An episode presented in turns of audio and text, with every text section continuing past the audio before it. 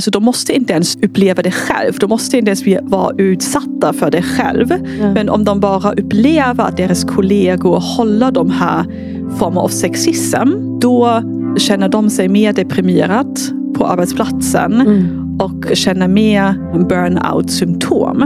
Så det är en direkt påverkan på psykisk hälsa. Ja, det som Miriam säger här är ju enormt viktigt. Att sexism och hur den präglar en kultur är enormt avgörande för hur vi mår. Man behöver alltså inte vara direkt utsatt, utan bara att befinna sig i en miljö där det här finns påverkar den psykiska hälsan enormt mycket ändå.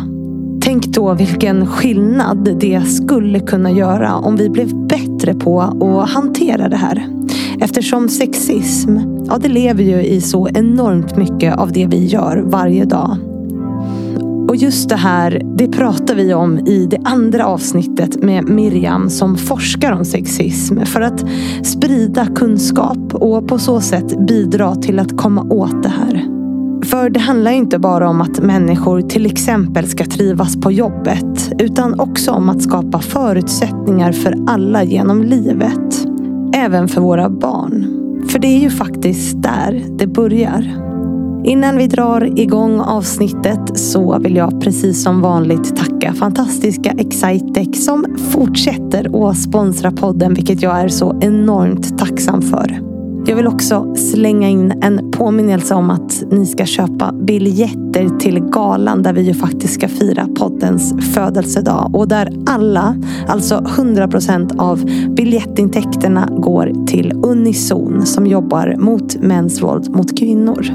Jag slänger in en länk i avsnittsbeskrivningen så kan ni gå in där och läsa mer om galan och köpa era biljetter. Jag ser så mycket fram emot att träffa er där. Men nu, kära lyssnare, precis som vanligt. Rätta till lurarna och dra upp volymen. För här kommer ett avsnitt med Miriam Sinter.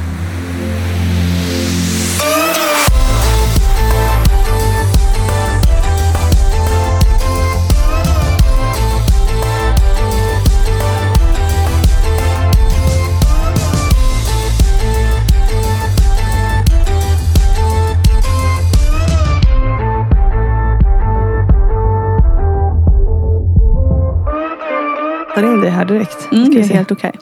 Är det helt okej? Okay? Ja, ja, du är ju... Nu är du van. Nu är jag specialist. Precis. Andra poddavsnittet på några dagar. Liksom. Så nu, Exakt. Det, det, känns knappt som vi hann lämna eh, poddstudion. Nej, det känns som vi har varit här typ hela helgen. Ja, precis. I alla fall i tanken. Alltså, jag tänkte mycket på det och pratade med kompisar och sådana saker mm. efteråt. Jätteintressant. Men fint, vad sa dina kompisar? Ja, vi ska prata igen? om det bland annat med välvillig sexism. Där, att det, mm. Den kan vara väldigt svår att hantera. För mm. att det hon sa var så att man också kan uppskatta det. Liksom. Att få dörren öppnad till sig och, och, och det här gentlemanna-grejen. Liksom, att det är något man uppskattar hos män och sådär. Eh, det, det är ju det. Alltså, ja. Det finns ju massa studier om det. Att mm. kvinnor vill ha en viss del av välvillig sexism. Mm. Oftast.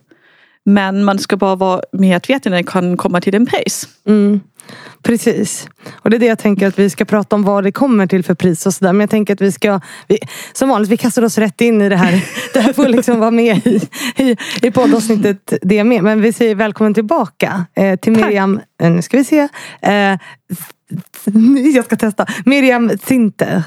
Det var, det var bra. Tinter. Ja. Miriam Tinter. Tinter. Ja. ja. Jag testar lite. Eh, jag känner mig nästan tysk igen. Eh, men nu är det ju måndag och du var ju här i fredags och spelade Exakt. in ett poddavsnitt som lyssnarna då nu har hört förra söndagen.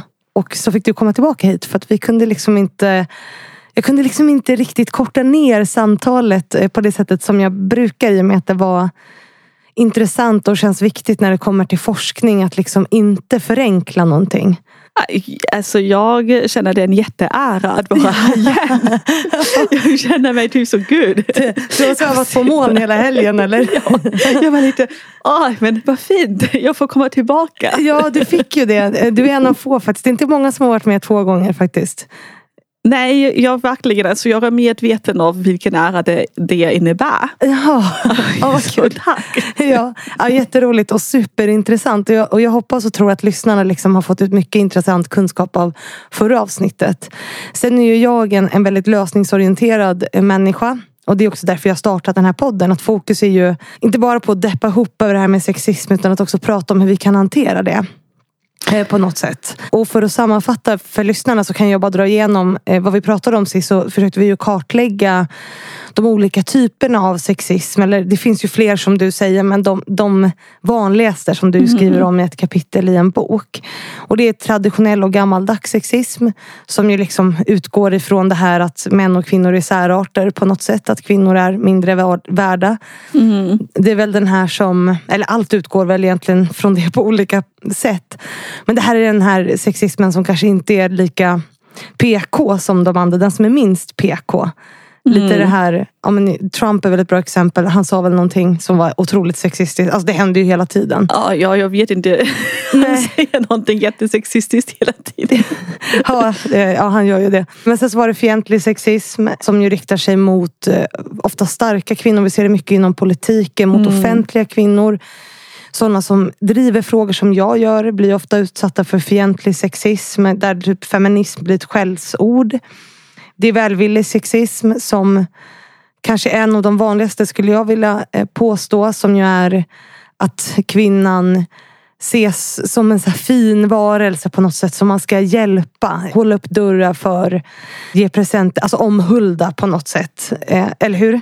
Jag nickar hela tiden Ja, men bra. det kan ju lyssnarna inte För den som höra. lyssnar ser att, att jag har rätt. Jag och sen så, jag tar oss igenom de här olika bara så att Ja. folk har koll. Och så är det modern sexism som är som ett svar eh, på jämställdhet. Och det är också något som vi pratar ofta om här. Att det kommer upp så här, "Ja, men det är vi väl klara med. Eller så här, Mm. Det här är ju inget problem i, i, i Sverige idag. Till exempel, det är ju modern sexism. Och sen tron på ett skifte i sexism som har kommit också som ett svar på jämställdhet och metoo. Eller hur? Att, att man Mm. Exakt, liksom, så här, ja. nu är det synd om mannen.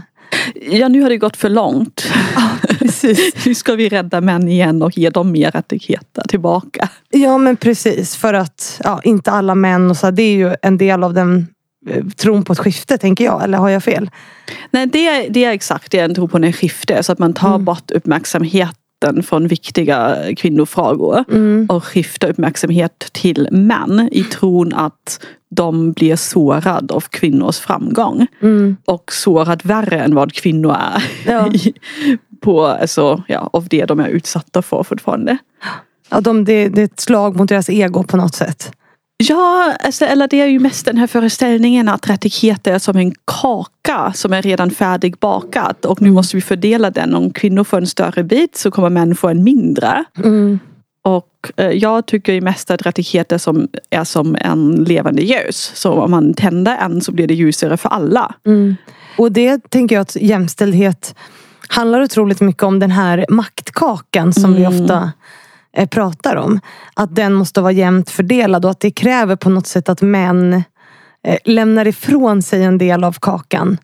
Eller hur? Ja men alltså jag tror det är väldigt få områden där de får lämna någonting faktiskt. Jag, alltså, och det är också det som forskningen visar att um, män också vinner på feminism. De vinner, på, alltså, de vinner av mer jämställdhet.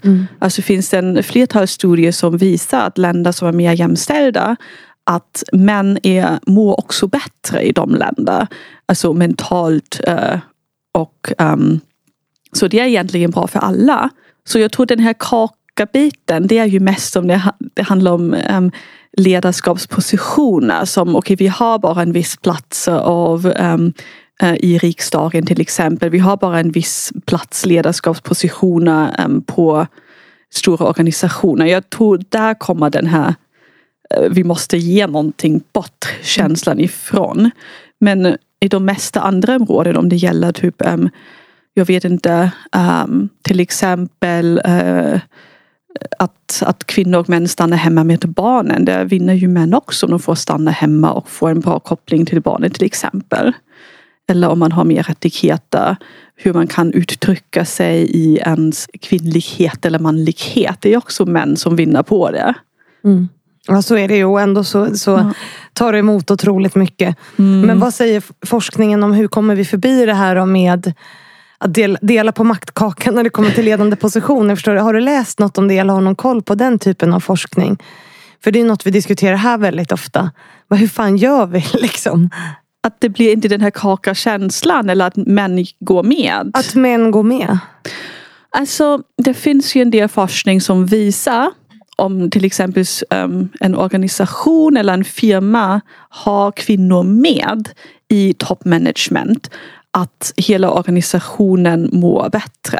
Alltså, det finns en del forskning som visar att organisationer som har kvinnor med att de är mer innovativa att de har bättre resultat, att de är mer beredda eller bättre i att hitta lösningar runt omkring miljövänlighet. Mm. Ja, hållbarhet och... Hållbarhet, Ja. exakt. Um, och att de har mindre um, kriminalitet och korruption inom organisationen. Och det har ju visats i flera studier. Så det finns en del studier som säger att det beror lite på hur stort en organisation är. Men för de mesta organisationer är det en klart fördel att ha kvinnor med. Och jag tycker det måste man ju tänka på. Har jag koll på en man som känner sig kanske kränkt för att han får inte vara med i en jättefin position och får jättebra, jag vet inte, lön av det eh, och status. Eller vill jag ha koll på hela organisationen och hur alla kan tjäna på att ha en mer divers eh, ledarskap. Mm. Ja, och det är ju, alla studier visar på det, ändå går det så förbannat långsamt. Men, ja. Men vi ska ta oss tillbaka till sexismen och att liksom hantera den. Och det är också något som min sponsor Excitic vill höra mer om.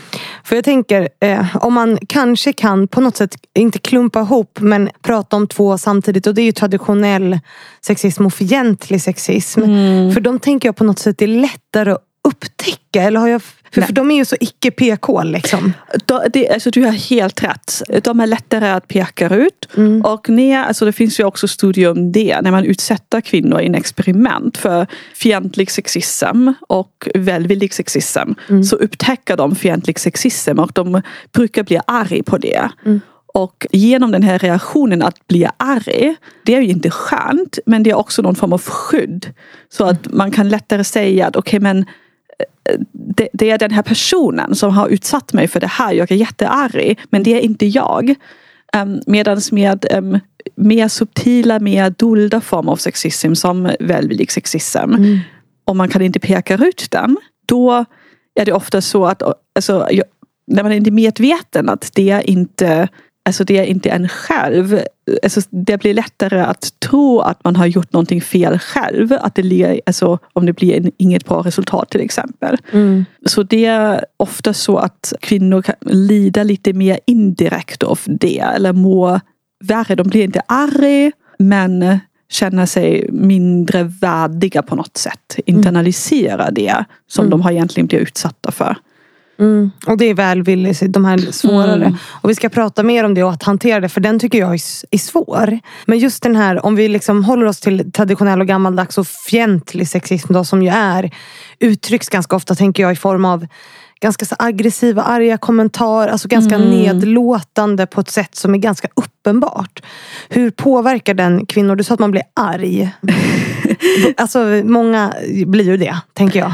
Ja, alltså vi ser ju i våra egna studier att mm. framförallt traditionell sexism och fientlig sexism har en direkt påverkan på ens eh, psykisk välmående. Alltså att kvinnor som upplever att deras kollegor är, alltså de måste inte ens uppleva det själv. De måste inte ens vara ut, utsatta för det själv. Men om de bara upplever att deras kollegor håller de här former av sexism då känner de sig mer deprimerat på arbetsplatsen och känner mer um, burnout-symptom. Så det är en direkt påverkan på psykisk hälsa. På arbetsplatsen, ja. På arbetsplatsen. Och Även det, om man inte är utsatt själv. Liksom. Exakt, det är bara att man tror att ens kollega tänker så här. Och det är någonting vi har sett med traditionell och fientliga sexism i, i vår data. Eh, vi är inte klara med det, så, men det är bara så preliminärt. Mm. Medan med de mer dolda former av sexism Mm. så ser vi mest en indirekt effekt. Alltså där är det mest så att kvinnor som um, upplever den här formen hos deras kollegor att de, alltså de är mindre nöjd med deras arbetsplatser Mm. och de har um, en värre självkänsla på arbetsplats. Vilket var, var det välvillig? Nej. Det var, nej, välvillig har. Det, vi går inte in på vi den går nu. inte på den nej, nu. vilken Nej. sa du de, de Den- fick sämre de de- självförtroende av? Det, var, um, det var egentligen alla som mer dolda former av sexism Ja. påverkar självförtroende. Mm. Och då kan det vara allt. Alltså det kan vara alla typer av sexism eller? Ja exakt, det kan det är inte, alltså sexism och det är ju alla de här formerna av sexism verkar ha ganska likadana effekt. Mm. Och det är också intressant för att även om de ser väldigt olika ut Mm.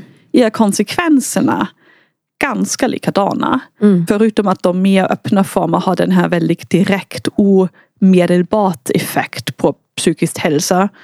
Medan det ser ut eh, i våra data i alla fall att de mer dolda inte så lätt eh, så de, de har inte den här jättestark effekt men mer en ja, indirekt effekt. Alltså de, de här kvinnorna mår också värre psykiskt men det är för att de har värre självkänslan och känner sig inte så nöjd med deras jobb. Nej. Och det här är intressant som du säger, självförtroende. För det här är ju något som jag har försökt att prata om. Och en retorik som jag är otroligt trött på är ju oftast att man säger så att kvinnor behöver skaffa bättre självförtroende. Och att det på något sätt är medfött att vi, att vi har dåligt självförtroende. Och jag har ju alltid hävdat att det på något sätt är en effekt av strukturen och i det här fallet då sexism. Alltså det är klart att vi får sämre självförtroende om det börjar från att vi är barn med att vi utsätts för sexism, vilket vi ju gör. Alltså forskningen visar att barn lär sig i ålder av typ nio år Ja. att män och pojkar eh, har bättre status och är mer värdiga i samhället. Mm. Och jag tycker det är otroligt sår- egentligen. Mm. Alltså att barn lär sig, alltså de är medveten med 8-9 år. På vilket sätt lär man sig det? Eller kan du, du något exempel på vad som gör det tydligt att män Ja. och pojkar är värda? Det, är, ehm, alltså, det finns till exempel en fenomen som kallas för Pink Frilly Dress phenomenon. The pink vad? The Pink Frilly Dress. Så det Ah. är såna jätterosa klänningar. Ja, ja, ja. Och det finns um, en del forskning som har visat att um, väldigt många tjejer um, som är typ tre, fyra, fem år gammalt att de, och det jag har hört det av mina studenter att, att de känner igen det. Så de får en så jättestark, alltså, vill verkligen ha rosa på sig och jätte typ stereotypiskt tjejiga prinsesskläder. Och det är någonting som de upplever som otroligt positiva och fina och eh, har, som är förknippat med en bra självkänsla som tjej. Mm. Och så är det, finns hos många tjejer en skifte från, alltså en ganska stark skifte från den här pink frilly dress fasen till en fas där de vill ha mer manliga eller pojkkodade kläder på sig och har så en em, ganska utpräglad tomboy face typ. Och den här skiftet de ser vi inte hos pojkarna, den ser vi bara hos tjejer i em, en ganska stor utsträckning. Och det är ju alltså, jag vill verkligen inte säga att, att barn ska inte bara ha på sig vad, whatever de vill typ. Men det som är intressant med att se den här skiftet hos så många barn är ju frågan varför. Mm. Och varför är det bara hos tjejer, inte hos pojkar? Och då har man em, sett att den här skiftet sker runt om den, den tiden där tjejer lär sig att pojkar har högre status. Så de försöker ta um, en, vara lite mer pojke för att också skaffa bättre status. Mm. Och det tycker jag är väldigt sorgligt. Ja, det är något vi ser ju genomgå tänker även upp i näringslivet. Att man anpassar sig efter en manlig norm och liksom blir lite manlig i sitt sätt att vara. I hur man tar plats. Och, alltså man ser det framförallt, tycker jag, på en generation innan oss. Eh, eller innan mig. Eh, de här äldre som liksom har blivit lite som männen på något sätt. I sin le- ledarskap, också hur man klär sig. Hur man, eller hur? Ja, alltså det finns ju en otrolig press att passa in i den bilden. Mm. Och att Alltså det är ju också, alltså, men det är ju ett helt alltså, eget forskningsfält igen. Ja. Att framförallt bland kvinnliga ledare att det finns en stor press att performa en manlighet, att bli taget seriös. Mm. Men vi ser också att även om kvinnor performar den alltså, så blir de kanske sedda som mer kompetenta. Mm. Men det kommer också till ett pris eftersom det finns ju sen en clash mellan, alltså nu performar du som, som en, en manlig roll som en ledare. Mm. Men det finns ju också en väldigt stor förväntan att kvinnor beter sig på ett visst sätt. De ska ju bete sig också typ kvinnlig.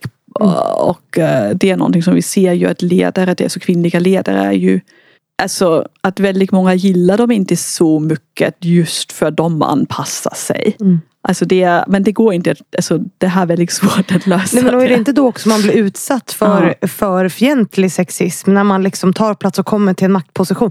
Det är det här moment 22 som vi ofta pratar om här. Mm. Att man liksom blir ledare och tar plats och liksom, men då är man en bitch eller så är man liksom för mycket eller tar för mycket plats. Liksom.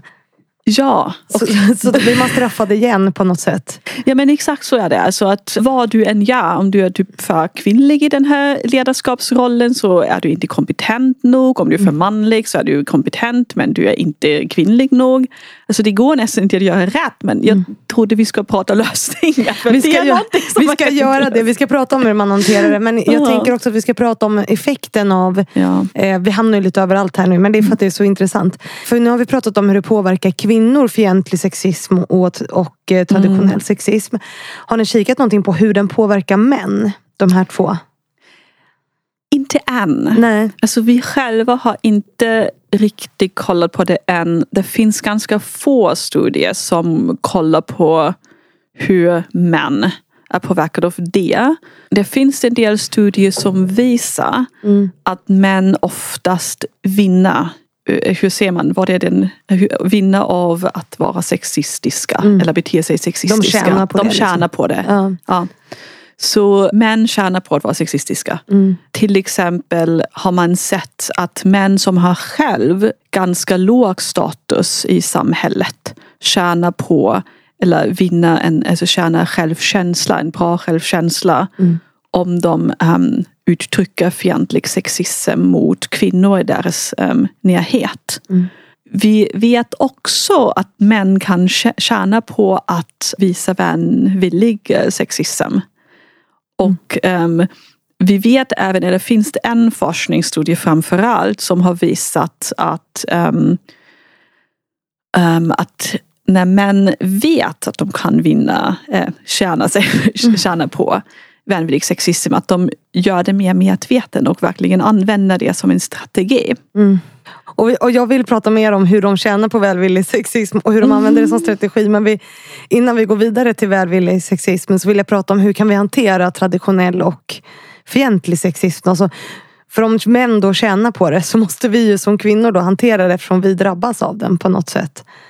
Ja, alltså jag måste först säga att forskningsläge om hur man hanterar sexism är mycket, mycket svaga. Alltså det finns mycket mindre forskning just på det än vad det finns. Alltså vi är väldigt bra att beskriva problemet Ja. men vi är inte så bra att lösa dem Nej. tyvärr. Um, men det finns en del forskning som, um, som har visat att A, ha kunskap om sexism hjälper jättemycket. Att kunna peka ut sexism. Och jag, jag själv tror väldigt starkt att um, om man kan namnge någonting så har man vunnit väldigt mycket redan. Om man kan alltså, bara säga det här har ett namn, det här jag har, upp, jag har upplevt just nu är fientlig sexism. Det är traditionell sexism eller någonting annat form av sexism. Och sen en nästa steg eh, skulle ju vara att eh, peka ut en sexistisk beteende eller kommentar. Och då finns lite o, alltså, forskningen är inte riktigt överens. Det finns forskning som visar om man pekar ut att det har en bra effekt. Så att man känner sig, um, ja det är så en empowerment effekt. Att man känner sig, jag, jag har gjort någonting, jag har sagt någonting. Att Det, det kan ge en eh, bra självkänsla och en känsla av kontroll. i För en själv ja. för en själv. Men det, kan, det är också en effekt att den som man säga, alltså den som har utfört den här sexistiska mentala handling, att den lär sig ju också någonting. Mm. Och oftast är man ju inte sexistisk för man, alltså ibland och vissa är det visst och använder det. Men väldigt många gör ju bara utan att tänka. Ja, precis. Och de kan lära sig någonting Mm. av att peka ut sexism. Mm. Och gör också oftast det. Men sen är det ju inte alltid möjligt att peka ut. Alltså kanske är det någons, en chef som har varit sexistisk. Det är kanske inte lätt att peka ut det när man är i beroendeställning. Då har forskning också visat att det är otroligt viktigt om att andra pekar ut det. Mm. Och framförallt män ska peka ut när de ser sexism. Man ska vara lite försiktig som män att det blir inte um, vänvillig. Att man inte gör det på ett sätt som nedsätter en utsatt kvinna ännu mer. Eh, Men det finns vissa sätt man kan göra det. Pekar ut sexism som hjälper. Och oftast bär män mindre kostnad för att pe- peka ut sexism. Alltså kvinnor är straffade oftast för att peka ut det. De, är- man upplever dem som arg och eh, ar, arga feminister.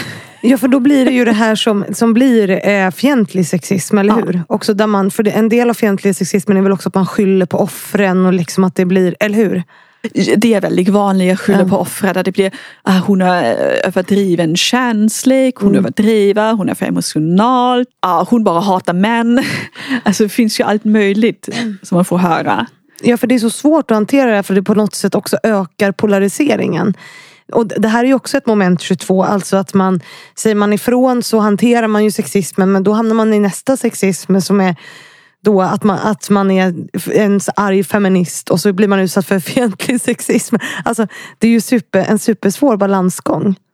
Det är en väldigt svår balansgång. Ja. Och jag kan bara, alltså av min egen erfarenhet kan jag bara säga att jag tror det bästa man kan göra och det är också någonting ehm, men det är inte nödvändigtvis in, en individ som kan göra det. Mm. Men att till exempel som organisation eller som samhället att vi ehm, skaffar kunskap om sexism. Mm. Att det är egentligen någonting som alla borde lära sig. Någon, för det har man sett att om man har den här kunskapen och som, om alla har den, inte bara kvinnor. Mm. Så är det lättare att ta emot också kritik. Mm. Och säga okej men det här du pekar ut hos mig, jag har hört om det här också. Jaha, det var inte meningen att jag beter mig så. Och jag, bara, alltså jag utgår ju att de mesta människor vill väl. Mm. Sen finns det en del som jag tror alltså, det är kört för dem. Och jag vet inte om vi ska lösa det för jag tror det de har gällas bara att hantera. Men de majoriteter som egentligen vill väl, de kan lära sig någonting. Mm. Mm. Och, och nu har vi pratat om de, alltså de sexismer som är lätta att se och som på något sätt där jag upplever diskussionen stannar ofta när det kommer till sexism. Att så här, det här är sexism.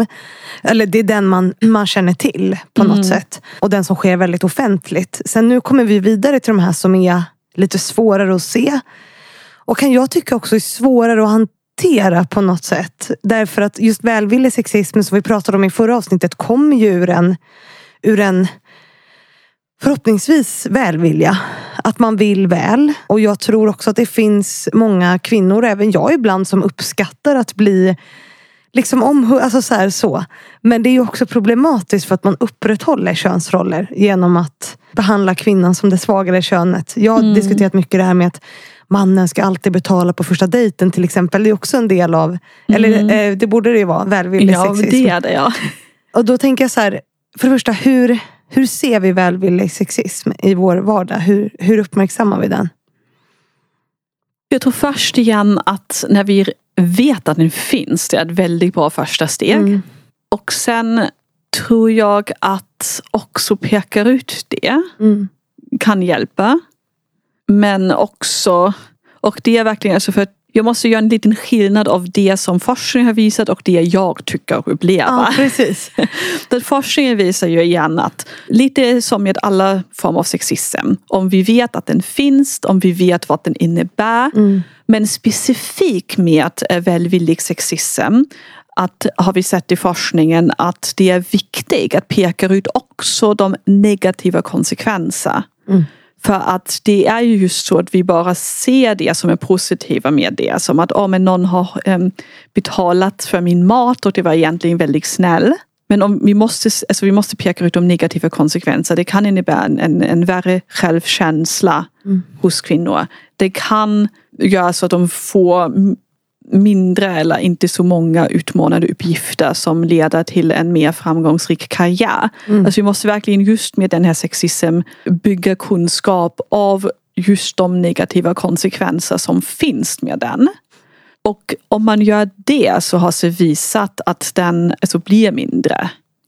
Att man tar lite steg tillbaka. Okej okay, men oj, det här ville vi ju egentligen inte. Mm. Och jag själv tycker att det kan vara bra att kanske erbjuda också en alternativ. Uh. Eller att byta lite. Alltså till exempel jag um, är väldigt nöjd med att öppna dörrar till män för exempel. Mm. Och att byta lite och eh, bara säga så, men nu får du gå först här. Det gjorde jag på gymmet en gång. Jag öppnade dörren till mannen och så tittade han på mig och blev alldeles chockad och sa men jag är en gentlekvinna sa jag. Och då började han skratta. Det tyckte jag var jättekul. Förlåt sidospår men, men jag gjorde det aktivt med mening eh, faktiskt.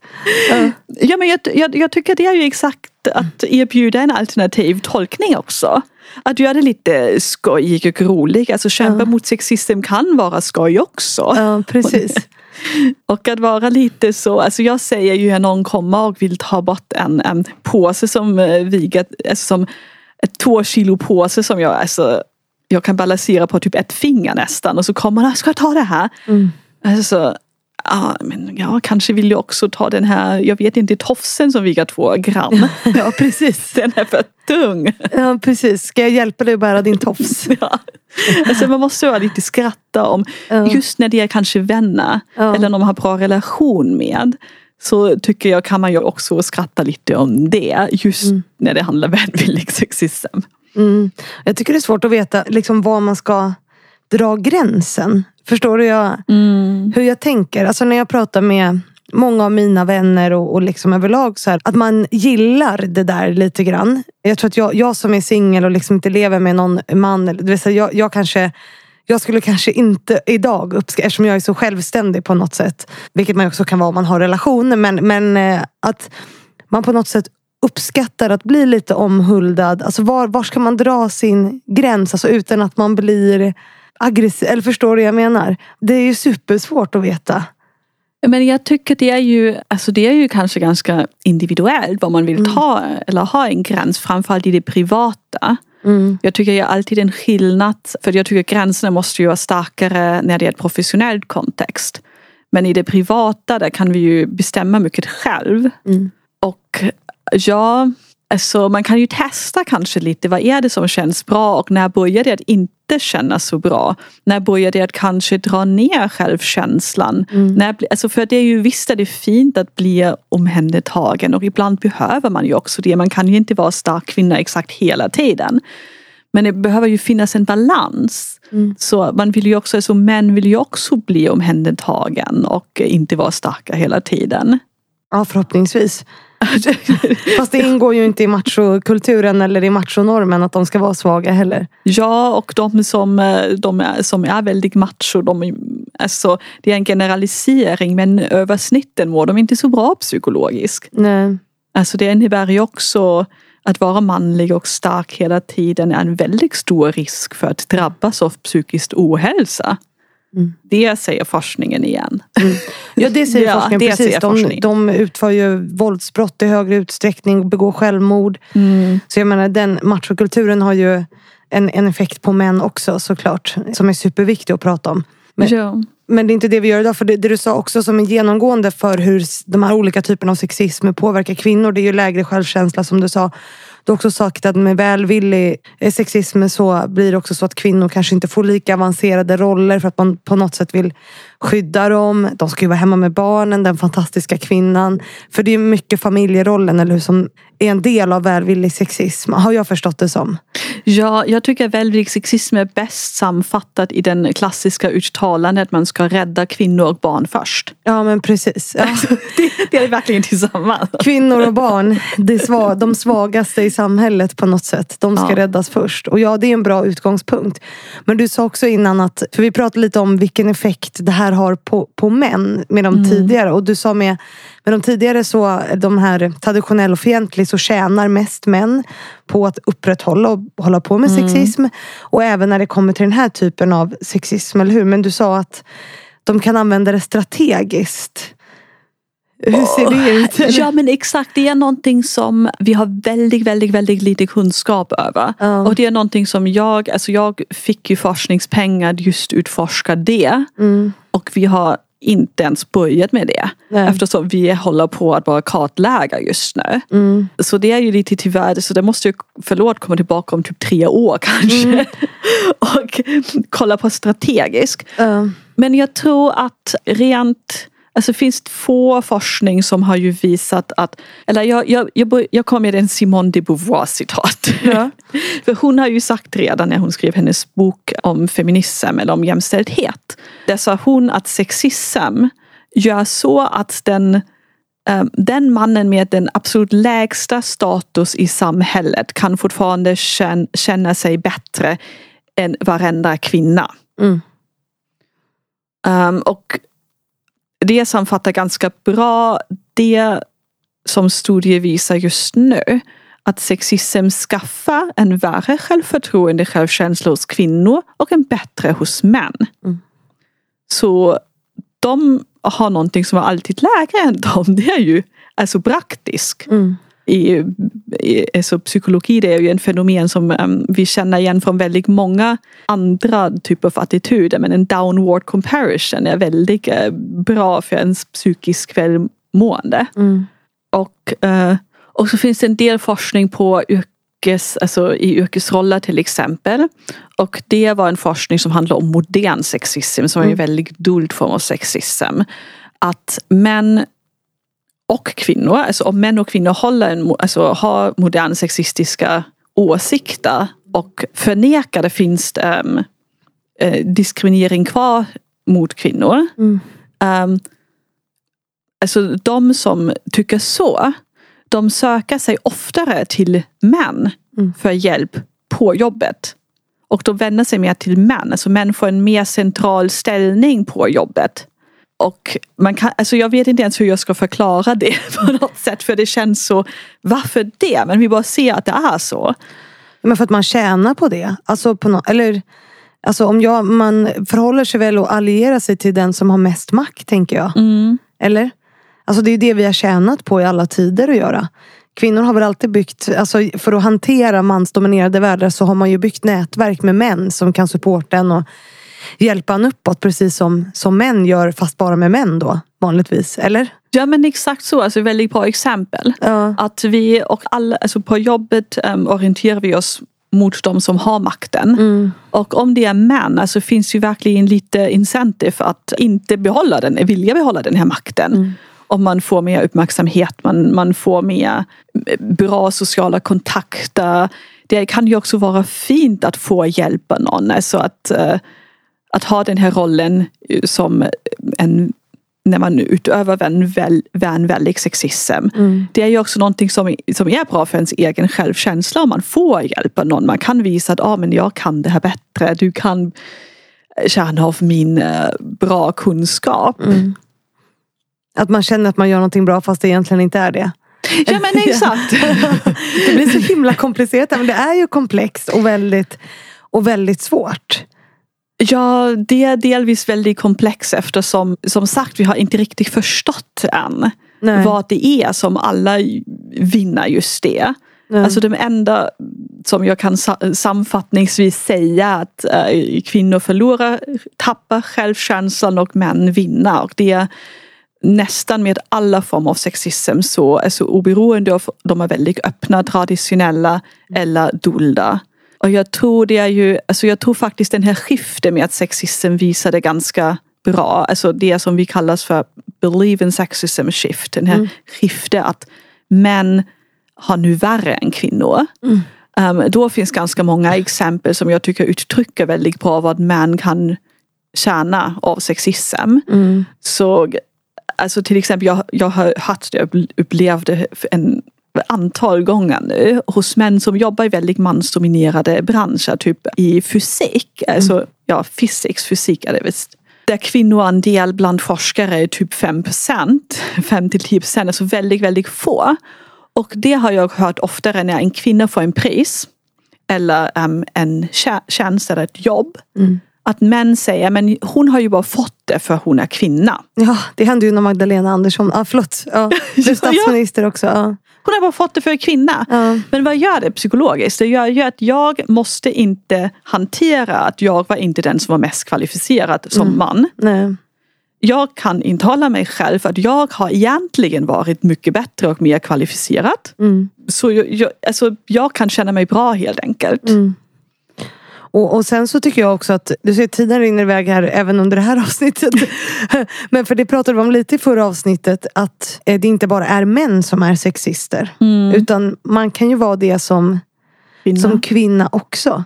Då kanske man inte är egentligen, eller jag kan ha fel nu men det är bara min magkänsla. att Man kanske Mhm. inte är så till exempel traditionellt sexistisk. Eller har jag Kvinnor är väldigt ofta väldigt traditionella. de är det, okej. Ja.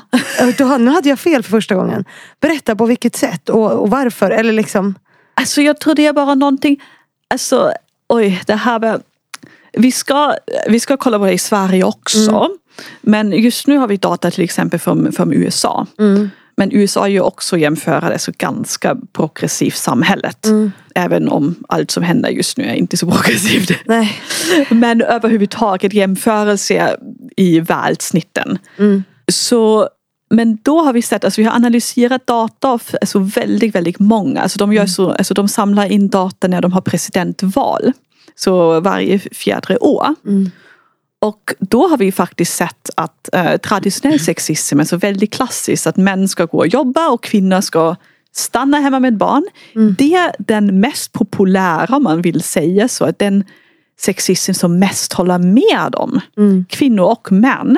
Det är med de som är mot konservativa hållet som håller med om detta. Men också alltså, bland um, demokrater i USA som är progressiva. Är det en av de former av sexism som man uppskattar? Alltså uppskattar? Jag Ehm, uppskattar, är kanske fel ord. Men som man, Ja men exakt, men som, som vi ser mest. mm. Och det här är också svårt för det måste man ju också få, få tycka. Eller förstår du vad jag menar? Eh, Som kvinna så måste man ju också om det, det här är ett snårigt eh, spår att ge sig in på. Men man kan ju inte säga så att du som kvinna får inte tycka att du vill vara hemma med dina barn och att din man ska gå till... Alltså förstår du, det måste man ju få välja själv på något sätt. Sen har det ju konsekvenser på samhället. Eller förstår du hur jag tänker? Jag förstår hur du tänker. Alltså, jag tror ju starkt att alla ska välja som de vill göra. Mm. Ehm, samtidigt som socialpsykolog uh, ifrågasätter jag väldigt ofta hur frivilliga och hur fria vi är att välja. Tack för att du säger det. Ja, förlåt. Och det är ju någonting som, eh, när vi kollar till exempel, det fanns för typ tio år sedan någonting som kallas det dropout revolution. Det är em, kvinnor som hade väldigt stora maktpositioner i samhället bestämde sig i en ganska stor utsträckning att lämna de här ma- maktpositionerna igen och bli hemmafruar, vara hemma med barnen. Och så fanns det, ja, det var i New York Times, det fanns en stort långt artikel om de kvinnor som berättade att de kunde inte hantera pressen längre och att de är så glada att de tog beslutet att vara hemma nu och ta hand om deras barn. Och det, alltså, man kan ju förstå att det kan vara fint vid tillfälle att man får vara hemma alltså, med ens barn. Att man får ha lite tid till sig själv. Förutom att det finns såklart starka finansiella konsekvenser och sam- konsekvenser för samhället också. Men som socialpsykolog skulle jag alltid kolla på um, men hur såg deras arbetssituation ut? Varför känns det så mycket bättre att vara hemma med ens barn i jämförelse att jobba just för kvinnor men inte för män. Alltså det måste ju vara någonting fel i arbetskontexten. Och det är någonting som vi har sett att det är någonting fel i arbetskontexten. Det är just att kvinnor är mer ofta utsatta för sexism. De måste kämpa hårdare. De måste presentera, alltså, Prestera. prestera mer. De måste visa mer. För att, eh, och alltså det, är ju, alltså det kan man ju förstå att man kanske tillfälligt vill lämna en sån situation. Men det löser ju ingenting. Ja. Och det är så, för det var ju någonstans här vi började det förra avsnittet. Det var ju i eh, socialpsykologin och liksom hur, hur det påverkar sexismen. Och jag gillar det du säger och det är något som vi pratar om här som har kommit upp förut. Alltså hur strukturerna och normerna påverkar det fria valet. Alltså att vi tänker så här att vi skaffar barn och att man gör det för att man vill. Och sen så är det kanske egentligen inte så. Alltså, jag vet inte hur ofta jag får meddelanden på sociala medier från kvinnor som säger Jag ångrar mina barn. Alltså jag älskar mina barn men jag ångrar dem. Alltså, samt, man kan ju, det är ju liksom inget som, därför att man har drabbats av det karriärmässigt, ekonomiskt, det är jobbigt att ha barn. Men man har utövat den här traditionella sexismen då. Nu gör jag fingret, jag vet inte varför jag gör situationstecken. Men man har ju utövat den, man har skaffat barn, stannat hemma med barnen, tagit Ja. ut den största delen av mammaledigheten för att det förväntas av en. På något sätt. Det här blev en lång utläggning men du förstår min tanke. Alltså den sociala pressen är enormt och den är så starkt. Mm. Alltså, jag tror alla som har försökt att gå mot en jättestark social norm någon gång Mm. kan relatera till hur otroligt svårt det är. Och pressen kan ju vara väldigt subtilt. Det måste inte vara öppet men det kan vara väldigt subtilt. Bara att du får bilder av eh, hur ser ett lyckat liv ut. Mm. Och vad innebär att ha ett lyckat liv som gör att vi blir glada av. Mm. Eller har, blir sett som framgångsrika. Men ja, vi hamnade lite överallt och ingenstans den här gången också. Eh, och nu har vi fort, återigen eh, kommit upp i ganska mycket tid som vi har spelat in. Tiden går så himla fort. Vi får, vi får starta en egen podd. Nej jag skojar. Det blir nästa grej. Fannys förebilder. För att sammanfatta det på något sätt hur vi hanterar den här typen av sexism. Så sa du tidigare att en del av det är kunskap. Ja. Eller hur? Alltså att en otrolig kunskap är makt. Att förstå de här olika typerna av sexism. För att kunna hantera det. Jag tror det är den viktigaste delen. Ja. Om vi vet vad det är vi ser. Vi vet att det är som vi blir drabbade av. Det är en väldigt, väldigt stort första steg. Och jag tycker det är ett stort steg på ett individnivå. Men också på ett samhällsnivå. För jag tycker det är också viktigt att säga att det kan inte vara individen som bär allt ansvar att bekämpa det här. Nej. Men att bara ha den här kunskap på individnivå, på en organisationsnivå, på en socialt samhällsmässig nivå är väldigt viktig. 100 procent. Kunskap är makt. Eh, otroligt. Därför är jag jätteglad att du har varit här och att vi har pratat mer om det här. Och jag tänker att om folk eh, som lyssnar nu har mer frågor, vill utvecklas, får man väl, tänker jag, höra av sig eh, till mig. Och så får vi se hur vi tar det vidare. Jag tycker vi har lagt en väldigt bra grund nu. Tycker du att vi har missat något? Alltså, jag säger ju att jag kan prata om sexism i timmar och timmar och timmar som jag Du har om det här och jag skulle också kunna göra det. Men nu ska vi försöka göra det lätt för de som lyssnar att ta in liksom på något sätt. Exakt, jag tycker om, om vi slänger ut för mycket kunskap för en gång. Där blir det ju väldigt svårt att smälta och Ja. att ta med sig kanske eh, huvudsaken på något sätt. Mm. Men jag skulle säga att vi har Alltså vi har pratat om jättemycket. Det finns säkert någonting vi har missat, absolut. Ja. Men det är en början. Jag tänker om vi hade kunnat lösa det här på två poddavsnitt. Då hade vi kunnat få Nobelpriset eller någonting. Det är helt, helt omöjligt. Men jag tycker att vi har tagit ett första bra steg i att sprida kunskap. Vilket ju är så sjukt viktigt. Jag tycker också det och jag tycker också att, som jag tycker är väldigt viktigt att, att, att tänka på, att man måste kanske, eller det blir kanske för mäktig att tänka på att lösa allt och hela problemet på en gång. Men vi kan ju bara börja med ett litet, litet steg och sen tar vi nästa. Och sen tar vi en till. så ni som lyssnar nu, är det något ni vill höra mer om så, så hör av er så fixar vi det. Du är i Sverige ett tag till. Jag är i Sverige ett, ett tag till. Ja, Absolut. så att vi kan få till en till inspelning om det skulle behövas. Eh, Så vi säger tusen tack Miriam för att du har varit här. Tack själv.